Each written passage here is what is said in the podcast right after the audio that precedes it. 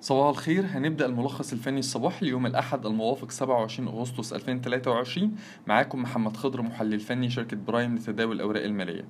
مؤشر EGX 30 خلال تعاملات جلسة الخميس الماضي ارتد من مستوى الدعم عند ال 18100 وده كان مستوى المقاومة السابق ليه وأغلق عند مستوى ال 18207 بنسبة ارتفاع 41% بقيم تداول مليار 432 طيب إحنا شايفين إيه في مؤشر EGX 30 شايفين إن الارتداد ده إيجابي وبيزود من فرص اختراق المؤشر لمستوى المقاومة السابق عند 18350 وبالتالي استمرار الاتجاه الصاعد قصير المدى واستهداف مستوى المقاومة التالي ليه عند 19500 رؤيتنا إيجابية على مؤشر EGX 30 طول ما هو بيتحرك فوق مستوى الدعم الأهم عند 17850 وده مستوى وقف الخسارة.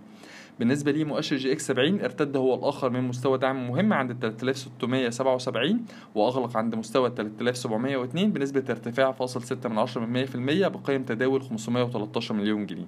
طب شايفين إيه؟ شايفين إن مؤشر EGX 70 ممكن تاني يعيد تجربة منطقة المقاومة ما بين ال 3740 إلى ال 3770 رؤيتنا إيجابية على مؤشر EGX 70 طول ما بيتحرك فوق مستوى الدعم. الأهم بالنسبة لنا عند ال 3600 وهو أيضا مستوى وقف الخسارة. is بالنسبة لي ملاحظات التداول النهارده الأسهم اللي ممكن تختبر مقاومة على المدى القريب. أول حاجة عندنا أبو قير للاسمده اللي بنرجح إن هي تعيد تجربة منطقة المقاومة بين ال 53 إلى ال 55 تاني حاجة عندنا العز البورسلين اللي شايفين إن هو برضو ممكن يعيد تاني تجربة منطقة المقاومة بين ال 19 إلى ال 20 جنيه. حطيناها في تقريرنا الفني اليومي تيك توك مع توصية بشراء انخفاضات توصية مدى قريب. منطقة الدخول المقترح هتكون بدءا من ال 17 30 وصولا إلى ال 17 جنيه. المستهدف زي ما قلنا ما بين ال 19 إلى ال 20 جنيه مستوى وقف الخسارة يكون عند مستوى الدعم السابق عند 16 جنيه 60 قرش. تالت حاجة عندنا القبضة الكويتية الجنيه اللي بنرجح إن هي تعيد تاني تجربة منطقة المقاومة ما بين ال 38 ونص إلى ال 39 رابع حاجة عندنا حديد عز اللي بنرجح إن هو يستهدف منطقة المقاومة بين ال 53 إلى 55 خاصة بعد ما كسر مستوى مقاومة مهم عند ال 50 جنيه.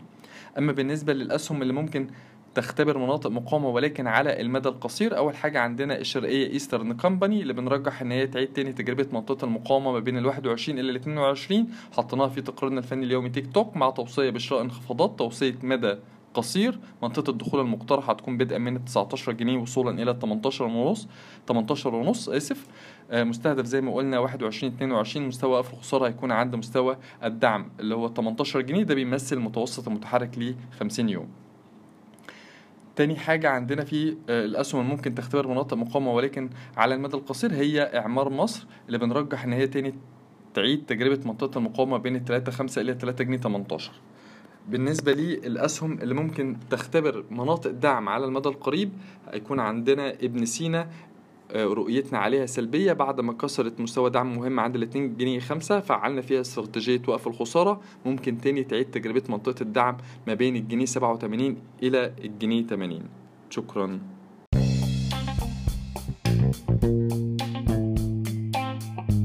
يرجى العلم أن هذا العرض هو لأغراض معرفية فقط ولا يمكن اعتباره عرض أو توصية شراء أو بيع أو إدارة استثمارات أو خدمات استشارية. ينصح باستشارة مستشارك المالي قبل اتخاذ أي قرار استثماري علما بأن الأداء التاريخي ليس مؤشرا يعتمد عليه لتحديد الأداء في المستقبل.